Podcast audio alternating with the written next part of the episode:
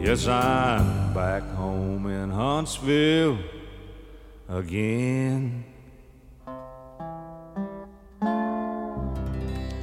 Welkom bij de extra podcast van Prison Show. Normaal gesproken zijn we er elke vrijdag met de reguliere uitzending. Afgelopen vrijdag waren we er met de podcast over de Recht van Sprekendag, zoals die werd gehouden op 7 oktober in Eindhoven. Met uh, interviews met mensen die ik daar heb ontmoet. En deze week komt er dan een serie toespraken online, zoals die werden gehouden tijdens de Recht van Sprekendag. En in dit deel gaan we dan luisteren naar Lucie Schipstra van Reclassering Nederland. Misschien dat Toon haar even wil aankondigen. We gaan uh, naar de volgende spreekster, Lucie. Mag ik jou vragen? Ja. De floor is yours. Nou ja, ik ben van die uh, reclassering. ja, ga dan nog maar eens je verhaal houden. maar goed, uh, ik sta hier met een ander verhaal. Uh, we hebben twee verhalen gehoord van mensen, hun eigen leven, hun eigen ervaring. ik sta hier iets meer vanuit mijn functie. Maar alsnog ben ik ook een mens en ervaar ik ook dingen in mijn werk. Ehm, Misschien even goed om iets over te zeggen uh, wat ik doe bij de reclassering. Uh, ik heb daar twee belangrijkste taken. Ik ben toezichthouder en dat betekent dat uh, mensen die door de rechten onder toezicht van de reclasseringen worden gesteld, die komen bij mij terecht en die begeleid ik individueel, meestal een periode van twee jaar. En dan is de ene kant van de taak ja, iemand houden aan de voorwaarden waar die zich aan moet, aan moet houden. Oei. Misschien komen we elkaar nog eens tegen in Arnhem, uh, Adje. Ja. En de andere kant is uh, ja, mensen ook begeleiden en ondersteunen bij het uh, weer op de rit krijgen van hun leven. En dat kan er elke keer anders uitzien. Dus dat is in ieder geval de bedoeling. met als doel om nieuw delictgedrag te voorkomen. En zoals op de website van het Leven des staat waar ik werk, vanuit de overtuiging dat ieder mens stelt en recht heeft op een volwaardig en zinvol bestaan. Uh, Frans heeft mij gevraagd om hier wat te zeggen en heeft mij daarmee recht van spreken gegeven. Ik vind het best wel bijzonder om hier uh, tussen al die andere verhalen te staan. En die slogan van Stichting Herstel en Terugkeer, iedereen heeft recht van spreken, ik vind hem heel mooi. En ik probeer hem ook toe te passen in mijn werk. En het levert hele mooie dingen op. Maar het levert ook uh, worsteling op. En uh, innerlijke strijd soms zelfs. Omdat mensen nogal tegengestelde dingen willen zeggen, doen. Uh, en ik wil jullie vandaag graag een inkijkje geven in wat dat oplevert in mijn werk. Gewoon aan de, aan de hand van een aantal voorbeelden. En ik begin met slachtoffers of hun familie, zoals Lucinda. Ik spreek ze vanuit de reclassering niet zo heel vaak, rechtstreeks. Maar voor mij geeft het proces verbaal hen in ieder geval een stem. Hun verklaring is vaak het eerste dat ik lees over een nieuwe cliënt. Ik lees en ik luister. En soms huiver ik. Zoals bij de aangifte van Nina en Karen tegen hun vader. Huiselijk geweld. En hoe verder ik lees, hoe meer ik denk, wat is dit voor man? Hoe kan die man? En dan zit die man tegenover mij. Heeft hij recht van spreken? Maar ik luister. En ik raak in de knoop. Want ook hij heeft een verhaal. Ik zie een man met pijn. Had de politieagenten die hem verhoorden recht van spreken toen ze zei: Beken nou maar gewoon. En hem daarmee voortijdig al veroordeelden? Heb ik zelf recht van spreken in mijn gesprekken. Bijvoorbeeld met verslaafde mensen. Ik heb geen idee hoe het is om verslaafd te zijn. Ik rook niet. En in het weekend ben ik na twee wijntjes uh, meestal ook wel klaar. Wat weet ik er eigenlijk van? En dus luister ik. Bijvoorbeeld naar Boris. Leuke man, makkelijke prater, harde werker. Geen contact met zijn kinderen en hun moeder crack verslaafd. Een soort optimist.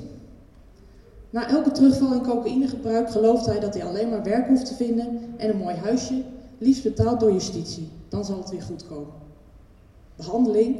Nee joh, ik ken mezelf inmiddels wel. Ik luister.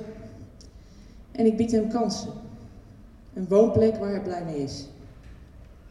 Eén keer, twee keer, drie keer. En weer is hij alles kwijt. En lukt het mij niet goed meer om te luisteren naar zijn verwijten en grote verhalen.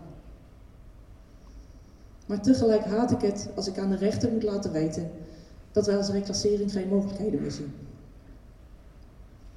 De rechter, die heeft in onze samenleving het ultieme recht gekregen om te spreken. Recht te spreken.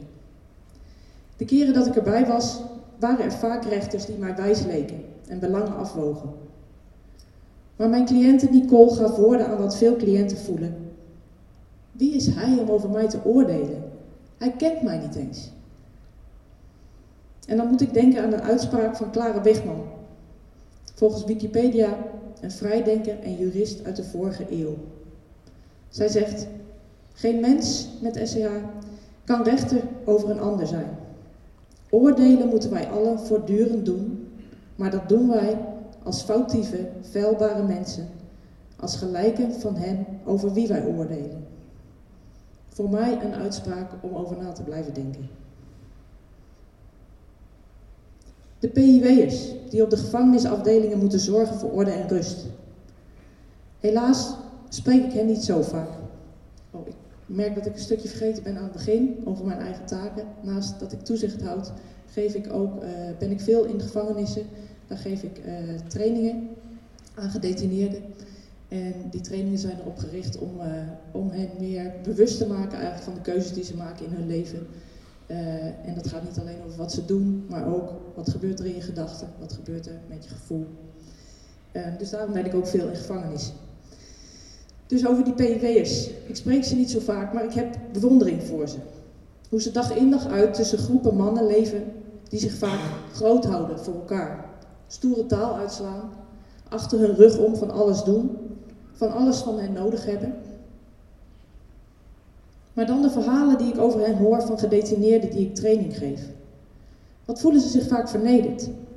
Door kleine opmerkingen, door voortrekkerij? Of is het hun eigen invulling? Soms doen ze hun verhalen bij mij. Soms zien ze mij als onderdeel van het justitiekamp. Allemaal schijnheilige kakkers. Zulke woorden doen me pijn. Kijken ze zo naar mij, naar ons, Waar komt dat door? Door hoe wij naar hen kijken? Waar kunnen we die cirkel van wantrouwen beginnen te doorbreken? Ik hoor van hen hoe woorden in hen kunnen blijven haken en malen in hun hoofd. Woorden die over hen zijn opgeschreven of uitgesproken door mensen die daartoe recht van spreken hebben gekregen. Reclasseringswerkers zoals ik, NIFP-rapporteurs, officieren van justitie, rechters. Woorden als pro-crimineel, psychopathische trekken, een hoog recidive-risico. Of deze. Voor dit delict staat drie jaar, maar omdat u het bent, eis ik vier jaar. Mehmet verwoordt het zo.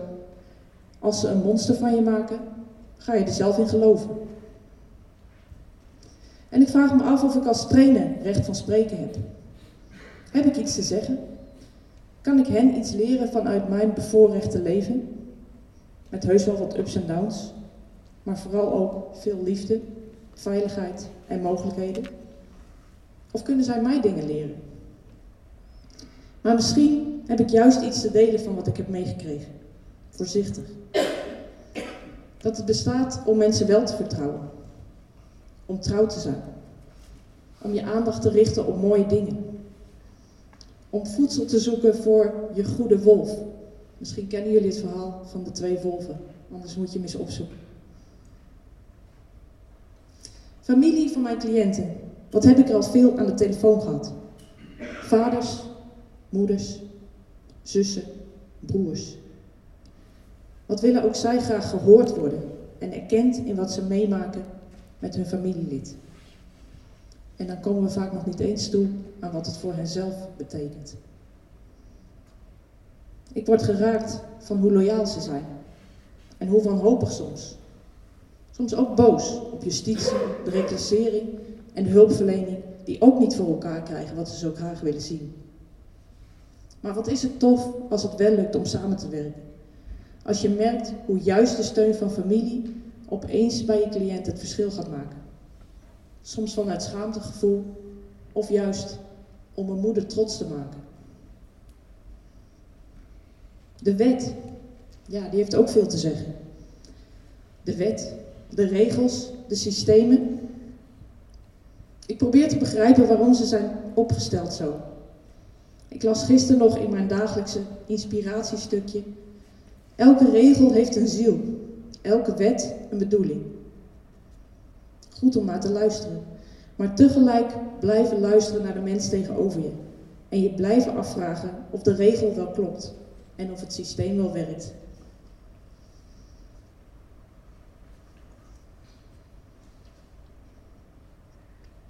Als laatste, Marlon.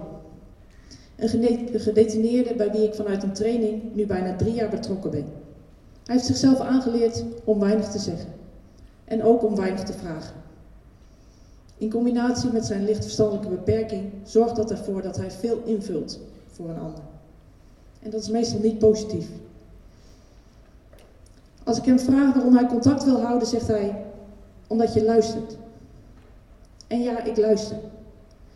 Naar hoe hij op de straat en in de criminaliteit is opgegroeid. Hoe hij geen idee heeft hoe een normaal leven eruit zou kunnen zien. Zeker niet met die enorme schadevergoeding die hij moet betalen. Maar soms weet ik opeens niet zeker of ik hem recht van spreken mag geven. Als hij vertelt over de haat die hij voelt naar gevangenispersoneel. Als ik doorvraag over hoe het bij die overval voor zijn slachtoffers moet zijn geweest. En hij zegt, daar denk ik niet aan. En toch, doordat ik hem recht van spreken geef, geeft hij mij ook steeds meer recht van spreken. En hij luistert en hij overweegt wat ik zeg. Bijvoorbeeld hoe je anders kunt denken over een situatie. Dat het vaak niet zwart-wit is. Ik mag hem confronterende vragen stellen, waarover hij zegt: Je laat mijn hersens kraken.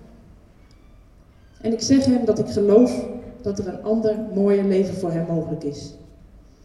En die hoop geeft hem nieuwe energie, waardoor we gezamenlijk en met anderen ook concrete stappen kunnen zetten.